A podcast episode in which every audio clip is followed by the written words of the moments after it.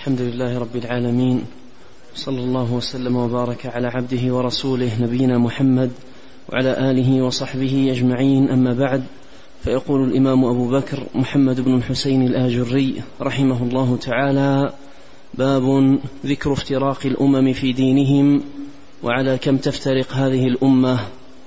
أخبر النبي صلى الله عليه وسلم عن أمة موسى عليه السلام أنه مختلف علي أنه مختلف عليه على إحدى وسبعين ملة. كلها في النار إلا واحدة. وأخبر عن أمة عيسى عليه السلام أنه مختلف عليه على ثنتين وسبعين ملة. إحدى وسبعون منها في النار وواحدة في الجنة. وقال صلى الله عليه وسلم وتعلو أمة الفرقتين جميعا تزيد عليهم فرقة واحدة ثنتان وسبعون منها في النار وواحدة في الجنة. ثم إنه سئل صلى الله عليه وسلم من الناجية فقال من الناجية؟ فقال في حديث ما أنا عليها ما أنا عليها وأصحابي. وفي حديث قال السواد الأعظم وفي حديث قال واحدة في الجنة وهي الجماعة. قلت أنا ومعانيها واحدة إن شاء الله تعالى. بسم الله الرحمن الرحيم. الحمد لله رب العالمين. وأشهد أن لا إله إلا الله وحده لا شريك له. وأشهد أن محمدا عبده ورسوله صلى الله وسلم عليه وعلى آله وأصحابه أجمعين.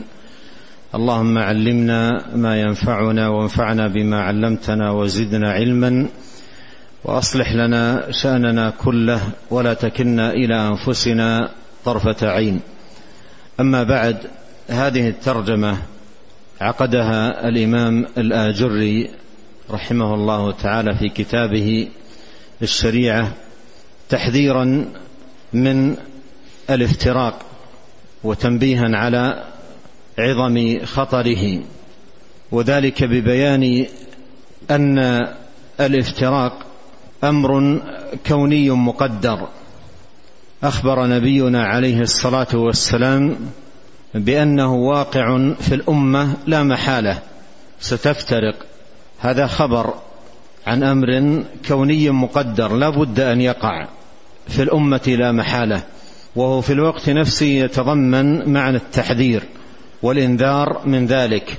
وأن الواجب على عبد الله المسلم أن يعلم أن هذا الافتراق للأمة إلى هذا العدد الذي يتجاوز السبعين فرقة يستوجب من كل عبد ناصح لنفسه أن يكون على أشد ما يكون من الحذر من أن يكون في واحدة من هذه الفرق الهالكة التي حذر منها النبي الكريم عليه الصلاة والسلام حيث بين في هذا الحديث أنها كلها في النار أي كلها هالكه إلا واحدة.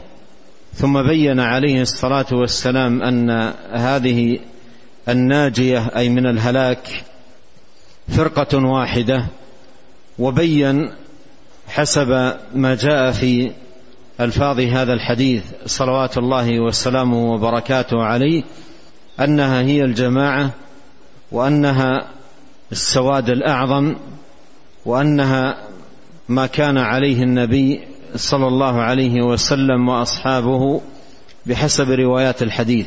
وكما أشار الإمام الآجري رحمه الله تعالى معلقا قال ومعناها واحد. ومعناها واحد يعني كونها هي الجماعة أو الفرقة الناجية أو السواد الأعظم أو ما كان عليه النبي صلى الله عليه وسلم وأصحابه المعنى واحد. لأن المراد بالجماعة إلا واحدة أي إلا جماعة واحدة هم من كانوا مجتمعين على الحق. والحق هو ما كان عليه النبي صلى الله عليه وسلم وصحبه الكرام.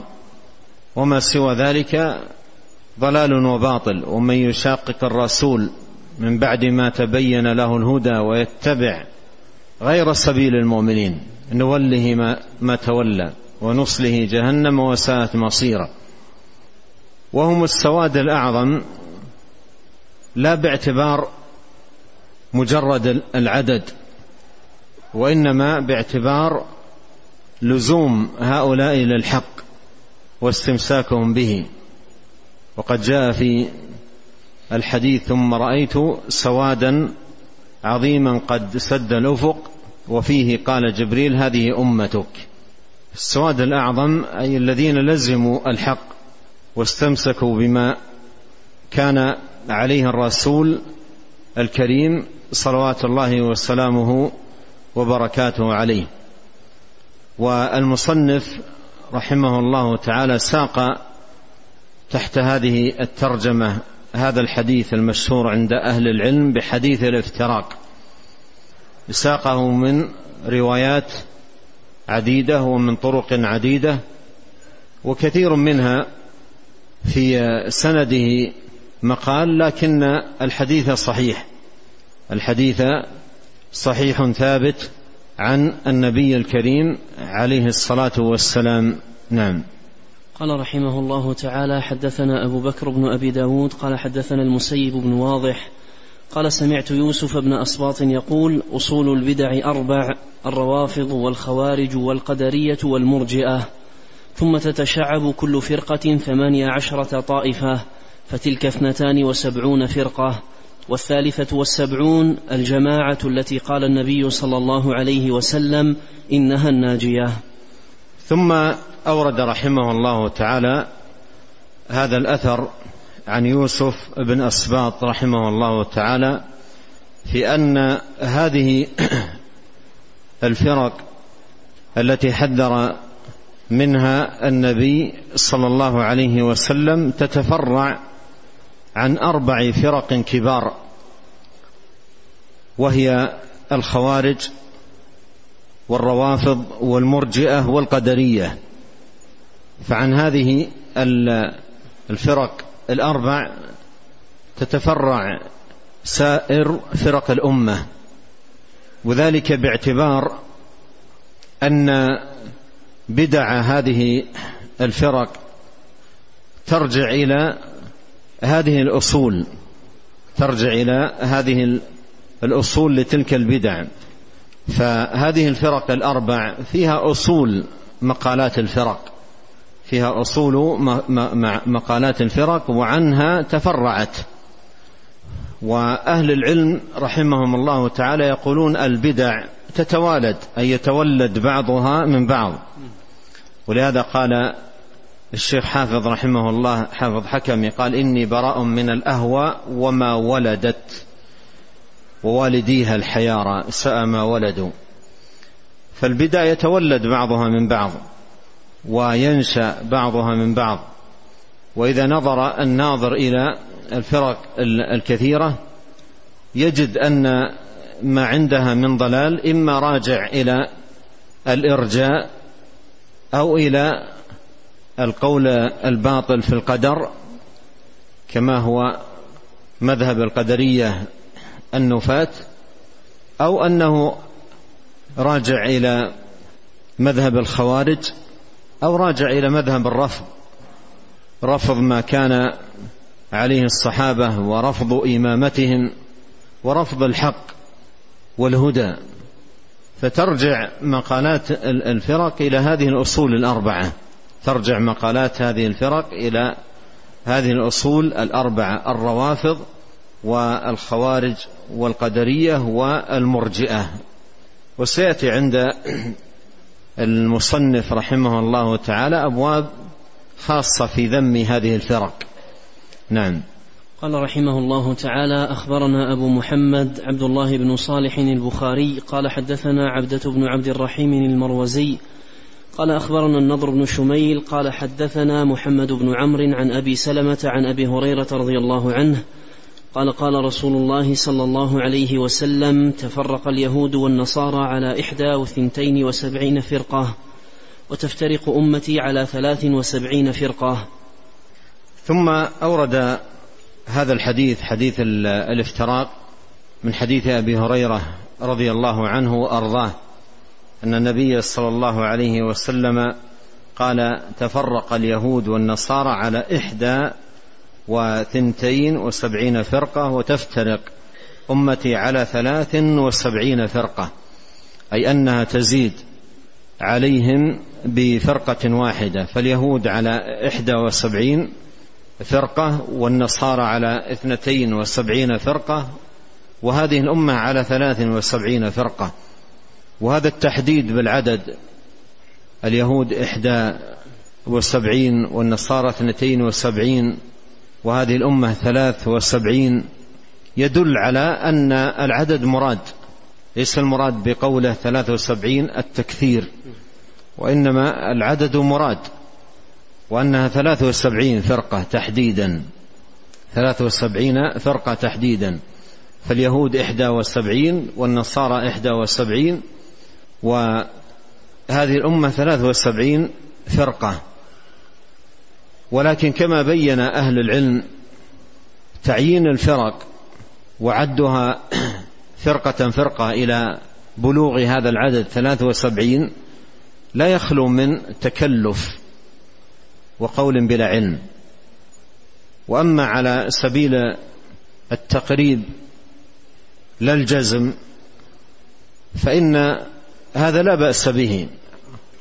أيضا على وجه التحذير من هذه الفرق وما لديها من مخالفات وانحراف عن هدي النبي الكريم عليه الصلاة والسلام. ولهذا كتب غير واحد من أهل العلم في الفرق وعددوا الفرق المخالفة ذكروا أسماءها وعقائدها التي خالفوا فيها هدي النبي الكريم صلوات الله وسلامه عليه. ويقصد من ذلك العد والذكر لمقالات تلك الفرق ما يقصد بالحديث نفسه. عندما قال نبينا عليه الصلاة والسلام وستفترق هذه الأمة على ثلاث وسبعين فرقة. فإن مراد النبي الكريم عليه الصلاة والسلام بهذا العد التحذير من ذلك. التحذير من ذلك تحذير الأمة من هذا الافتراق. وأن الواجب على المسلم أن يلزم السنة وأن يتمسك بالحق والهدى وأن يحذر سبيل الهالكين أو سبل الهالكين. نعم. قال رحمه الله تعالى حدثنا أبو بكر بن أبي داود قال حدثنا علي بن خشرم قال أخبرنا الفضل بن موسى عن محمد بن عمرو عن أبي سلمة عن أبي هريرة رضي الله عنه قال قال رسول الله صلى الله عليه وسلم تفرقت اليهود على إحدى أو اثنتين وسبعين فرقة واختلفت النصارى على إحدى أو اثنتين وسبعين فرقة وتفترق أمتي على ثلاث وسبعين فرقة. نعم هذه طريق أخرى للحديث نفسه حديث أبي هريرة رضي الله عنه. نعم. قال رحمه الله تعالى وأخبرنا أبو عبد الله أحمد بن الحسن بن عبد الجبار الصوفي قال حدثنا الهيثم بن خارجة قال حدثنا إسماعيل بن عياش عن عبد الرحمن بن زياد بن أنعم عن عبد الله بن يزيد عن عبد الله بن عمرو رضي الله تعالى عنهما أن النبي صلى الله عليه وسلم قال ليأتين على أمتي ما أتى على بني إسرائيل تفرق بنو إسرائيل على ثنتين وسبعين ملة وستفترق أمتي على ثلاث وسبعين تزيد عليهم كلها في النار إلا ملة واحدة. فقالوا من هذه الملة الواحدة؟ قال ما أنا عليه وأصحاب ما أنا عليها وأصحابي. نعم. قال حدثنا أبو الفضل جعفر بن محمد الصندلي قال حدثنا أبو بكر بن زنجويه قال حدثنا محمد بن يوسف الفريابي قال حدثنا سفيان يعني الثوري عن عبد الرحمن بن زياد عن عبد الله بن يزيد عن عبد الله بن عمرو رضي الله تعالى عنهما قال قال رسول الله صلى الله عليه وسلم ليأتين على أمتي مثل ما أتى على بني إسرائيل مثلا بمثل حذو النعل بالنعل وإن بني إسرائيل تفرقوا على ثنتين وسبعين ملة وإن أمتي ستفترق على ثلاث وسبعين ملة كلها في النار إلا ملة واحدة. قيل من هي يا رسول الله؟ قال ما أنا عليه اليوم وأصحابي. نعم ساق هنا رحمه الله تعالى حديث الافتراق. من حديث عبد الله بن عمرو بن العاص رضي الله عنهما وفي تمامه أخبر صلوات الله وسلامه عليه أن الناجية من هذه الفرق هم من كانوا على مثل ما كان عليه النبي صلى الله عليه وسلم وأصحابه. وذلك أن الحق لا يعدو ما كان عليه. رسول الله صلوات الله وسلامه عليه وصحابته الكرام. فالحق ما كان عليه صلى الله عليه وسلم وما كان عليه الصحب الكرام وما خالف ذلك فهو الباطل. وذلك أن الله سبحانه وتعالى بعثه بالحق. بعثه بالحق بشيرا ونذيرا وداعيا إلى الله بإذنه وسراجا منيرا. فبلغ عليه الصلاة والسلام البلاغ المبين وأخذ عنه صحبه الكرام وكانوا خير أمته رضي الله عنهم وأرضاهم وبلغوه وافيا ولهذا أعلى صلوات الله وسلامه عليه من شأن الصحابة. في هذا الحديث قال ما كان على مثل ما أنا عليه اليوم وأصحابي لأن الذي كان عليه الصحابة هو الدين الذي أخذ وتلقي عن النبي صلى الله عليه وسلم مباشرة دون أن يزاد فيه أو أن ينقص وإنما أخذوه عن النبي الكريم عليه الصلاة والسلام مباشرة.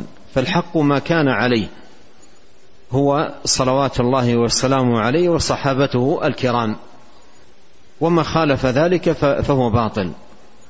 ولا يقبله الله سبحانه وتعالى من عامله لأن الله جل وعلا قال اليوم أكملت لكم دينكم وأتممت عليكم نعمتي ورضيت لكم الإسلام دينا فما لم يكن دينا زمن محمد صلى الله عليه وسلم وأصحابه فلن يكون دينا إلى قيام الساعة.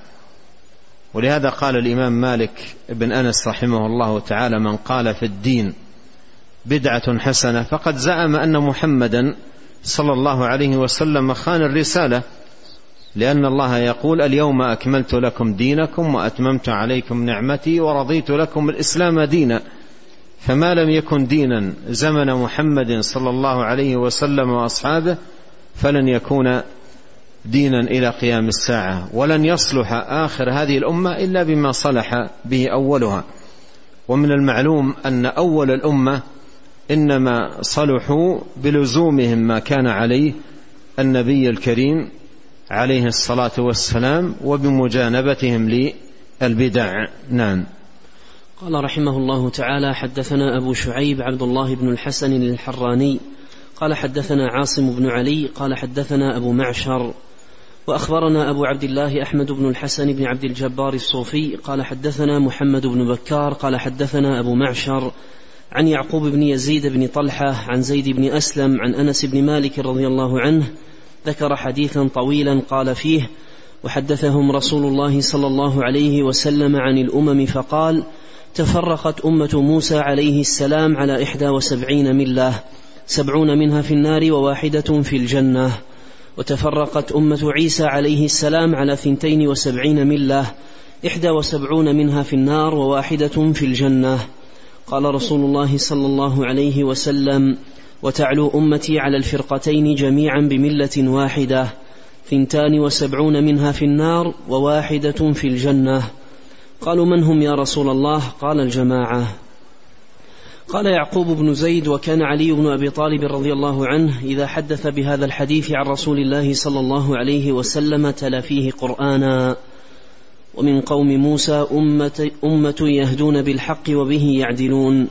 ثم ذكر أمة عيسى عليه السلام فقرأ ولو أن أهل الكتاب آمنوا واتقوا لكفرنا عنهم سيئاتهم ولأدخلناهم جنات النعيم ولو أنهم أقاموا التوراة والإنجيل وما, أنز وما أنزل إليهم من ربهم لأكلوا من فوقهم ومن تحت أرجلهم منهم أمة مقتصدة وكثير منهم ساء ما يعملون. قال ثم ذكر أمتنا فقرأ وممن خلقنا أمة يهدون بالحق وبه يعدلون. قال وأخبرنا أبو عبيد علي بن الحسين بن حرب القاضي قال حدثنا الحسن بن محمد بن الصباح الزعفراني قال حدثنا شبابه يعني ابن سوار قال حدثنا سليمان بن طريف عن أنس بن مالك رضي الله عنه قال قال رسول الله صلى الله عليه وسلم يا ابن سلام على كم تفرقت بنو إسرائيل؟ قال على واحدة وسب على واحدة وسبعين أو اثنتين وسبعين فرقة كلهم يشهد على بعض بالضلالة. قالوا أفلا تخبرنا لو قد خرجت لو قد خرجت من الدنيا فتفرق أمتك على ما يصير أمرهم؟ قال نبي الله صلى الله عليه وسلم بلى إن بني إسرائيل تفرقوا على ما قلت وستفترق أمتي على ما افترقت عليه بنو إسرائيل وستزيد فرقة واحدة لم تكن في بني إسرائيل. وذكر الحديث. قال وحدثنا أبو عبد الله أحمد بن أبي عف أحمد بن أبي عوف البزوري قال حدثنا سويد بن سعيد قال حدثنا مبارك بن سحيم عن عبد العزيز بن صهيب عن أنس بن مالك رضي الله عنه عن النبي صلى الله عليه وسلم قال افترقت بنو إسرائيل على إحدى وسبعين فرقة وإن أمتي ستفترق على ثلاث وسبعين فرقة كلها في النار إلا السواد الأعظم. نعم ثم ساق حديث الافتراق من رواية وحديث أنس بن مالك رضي الله عنه وهو بمعنى ما تقدم أن من قبلنا افترقوا وأن هذه الأمة ستفترق كما افترقوا. تعلو يعني هذه الأمة من قبلها بفرقة أي تزيد كما دلت على ذلك روايات الحديث. تزيد عليها بفرقة واحدة. فاليهود افترقوا على إحدى وسبعين والنصارى على اثنتين وسبعين والأمة تعلو عليهم بفرقة أي تزيد عليهم بفرقة واحدة. ولما سئل من هم يا رسول الله قال الجماعة. قوله الجماعة يفسره الرواية المتقدمة ما أنا عليه اليوم وأصحابي. فالجماعة هم من لزموا الحق الذي كان عليه النبي صلى الله عليه وسلم وصحابته الكرام. ولهذا قال العلماء لو كان على هذا الحق رجل واحد فهو الجماعة لأن العبرة ليست بكثرة العدد وإنما المراد بلزوم منهج الحق الذي كان عليه النبي الكريم صلوات الله وسلامه وبركاته عليه. وأورد في عقب عقب هذه الرواية عن يعقوب قال كان علي بن أبي طالب رضي الله عنه إذا حدث بهذا الحديث عن رسول الله صلى الله عليه وسلم تلا فيه قرآنا. أي يستشهد على ذلك بالقرآن ويستدل ذلك بالقرآن. فمثلا قوله سبحانه وتعالى ومن قوم موسى أمة يهدون بالحق وبه يعدلون من قوم موسى أمة؟ ليسوا كلهم على الحق وإنما منهم أمة على الحق ومن سواهم مفترقون على الحق مفارقون له. ومثله قال منهم أمة مقتصدة وأيضا مثله فيما يتعلق بأمة محمد وممن خلقنا أمة يهدون بالحق وبه يعدلون. أي ومن سوى هؤلاء مخالفون للحق مفارقون له. نعم. قال رحمه الله تعالى وحدثنا أبو بكر عبد الله بن محمد بن عبد الحميد الواسطي قال حدثنا زهير بن محمد المروزي قال حدثنا أحمد بن عبد الله بن يونس قال حدثنا أبو بكر بن عياش عن موسى بن عبيدة عن عن ابنة سعد عن أبيها سعد رضي الله عنه قال قال رسول الله صلى الله عليه وسلم افترقت بنو إسرائيل على إحدى وسبعين ملة ولن تذهب الأيام والليالي حتى تفترق أمتي على مثلها أو قال عن مثل ذلك وكل فرقة منها في النار إلا واحدة وهي الجماعة. نعم وهذا سياق للحديث حديث الافتراق من حديث الصحابي الجليل سعد بن أبي وقاص أحد المبشرين بالجنة رضي الله عنه وأرضاه. نعم. قال رحمه الله تعالى أخبرنا إبراهيم بن موسى الجوزي قال حدثنا محمد بن هارون أبو نشيط وإبراهيم بن هانئ النيسابوري قال حدثنا أبو المغيرة قال حدثنا صفوان قال حدثني أزهر بن عبد الله الحرازي عن أبي عامر الهوزني عن معاوية بن أبي سفيان رضي الله عنه أنه قام حين صلى الظهر بالناس بمكة فقال ألا إن رسول الله صلى الله عليه وسلم قام فينا؟ فقال ألا إن من كان قبلكم من أهل الكتاب افترقوا على ثنتين وسبعين ملة وإن هذه الأمة ستفترق على ثلاث وسبعين اثنتان وسبعون في النار وواحدة في الجنة وهي الجماعة. نعم ختم هذه الروايات بهذا الحديث عن معاوية بن أبي سفيان رضي الله عنه وأرضاه. وفي سياقة هذا الحديث أن معاوية قام حين صلى الظهر بالناس بمكة فقال ألا إن رسول الله صلى الله عليه وسلم قام فينا إلى تمامه. وهذا فيه أن هذا الحديث حديث الافتراق مما يحتاج الناس إلى أن ينبهوا عليه وأن يذكر لهم حتى يكونوا من هذا الافتراق ومن هذه الفرق على حذر.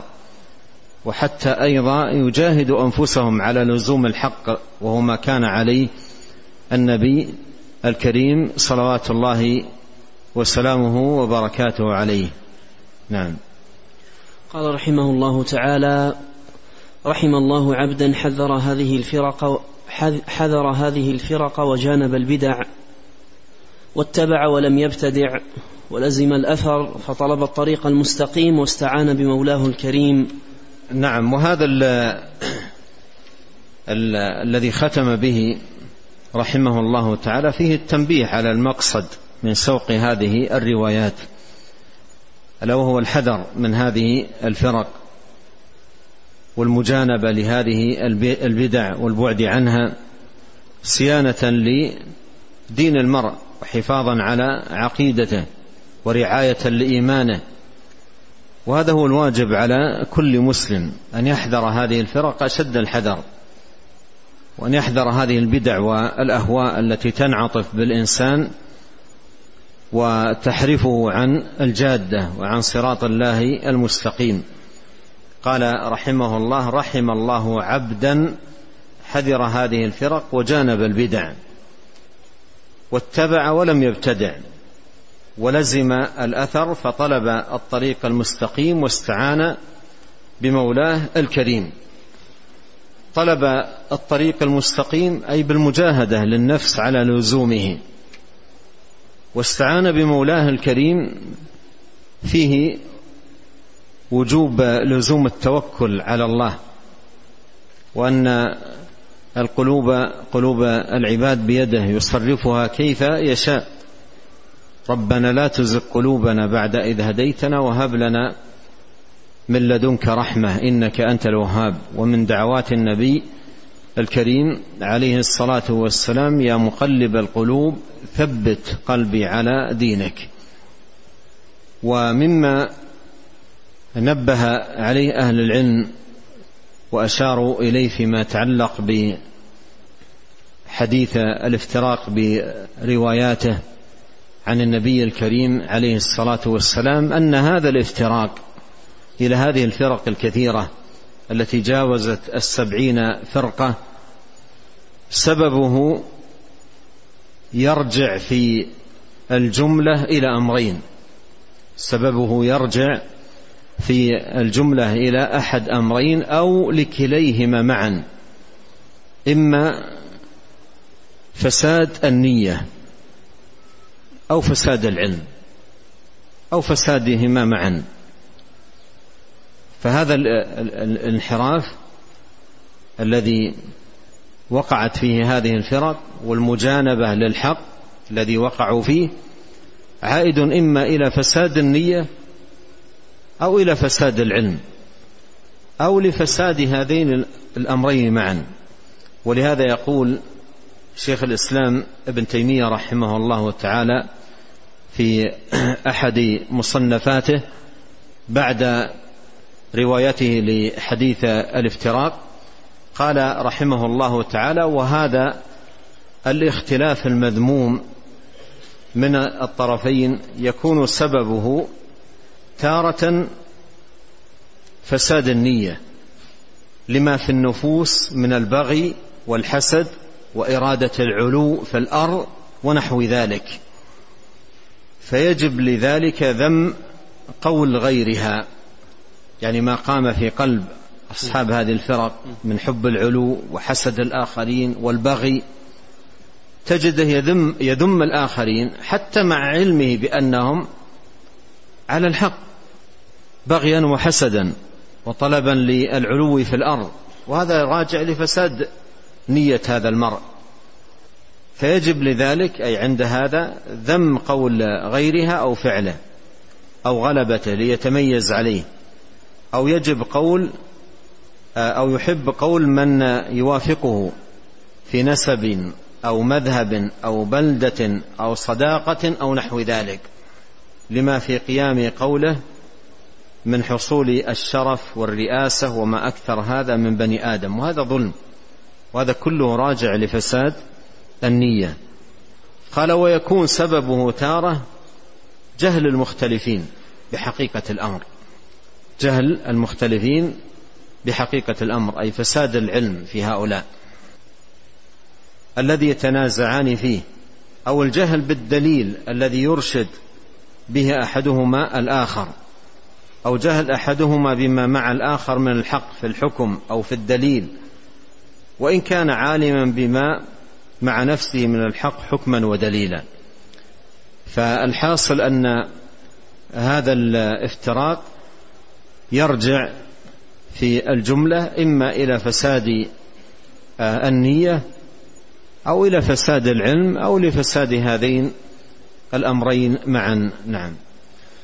قال حدثنا أبو بكر بن أبي داود قال حدثنا محمد بن بشار قال حدثنا معاذ قال حدثنا ابن عون عن محمد يعني ابن سيرين قال كانوا يقولون إذا كان الرجل على الأثر فهو على الطريق.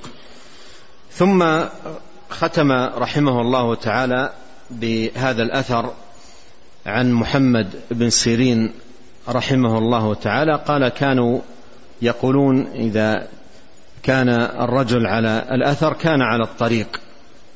إذا كان على الأثر كان على الطريق.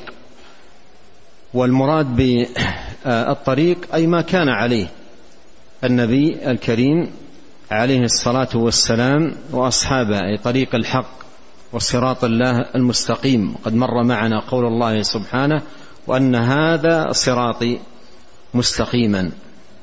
فالذي على الطريق هو الذي على الأثر. ومن لم يكن على الأثر أي أثر النبي عليه الصلاة والسلام وصحابته آه، الكرام رضي الله عنهم فإنه منحرف عن الطريق منعطف عن الجادة. فلا يكون المرء على الطريق أي طريق الحق والهدى إلا إذا كان مستمسكا بما كان عليه النبي الكريم صلى الله عليه وسلم وصحابته الكرام رضي الله عنهم وأرضاهم. ونسأل الله الكريم رب العرش العظيم بأسماء الحسنى وصفاته العليا أن يوفقنا أجمعين للزوم الحق والاستمساك به وأن يعيذنا أجمعين من الأهواء والبدع وأن يوفقنا للزوم السنة والاستمساك بها والاعتصام بحبل بحبل الله المتين وصراطه المستقيم. وأن يعيذنا من سبل الضلال وطرائق الباطل. وأن يهدينا إليه صراطا مستقيما. وأن يعيذنا من شرور أنفسنا وسيئات أعمالنا. وأن يصلح لنا شأننا كله والا يكلنا إلى أنفسنا طرفة عين. اللهم أصلح لنا ديننا الذي هو عصمة أمرنا وأصلح لنا دنيانا التي فيها معاشنا وأصلح لنا آخرتنا التي فيها معادنا واجعل الحياة زيادة لنا في كل خير والموت راحة لنا من كل شر. اللهم اغفر لنا ذنبنا كله دقه وجله أوله وآخره علانيته وسره. اللهم اغفر لنا ولوالدينا ولمشايخنا وولاة أمرنا وللمسلمين والمسلمات والمؤمنين والمؤمنات الأحياء منهم والأموات. اللهم اقسم لنا من خشيتك ما يحول بيننا وبين معاصيك ومن طاعتك ما تبلغنا به جنتك ومن اليقين ما تهون به علينا مصائب الدنيا. اللهم متعنا بأسماعنا وأبصارنا وقوتنا ما أحييتنا.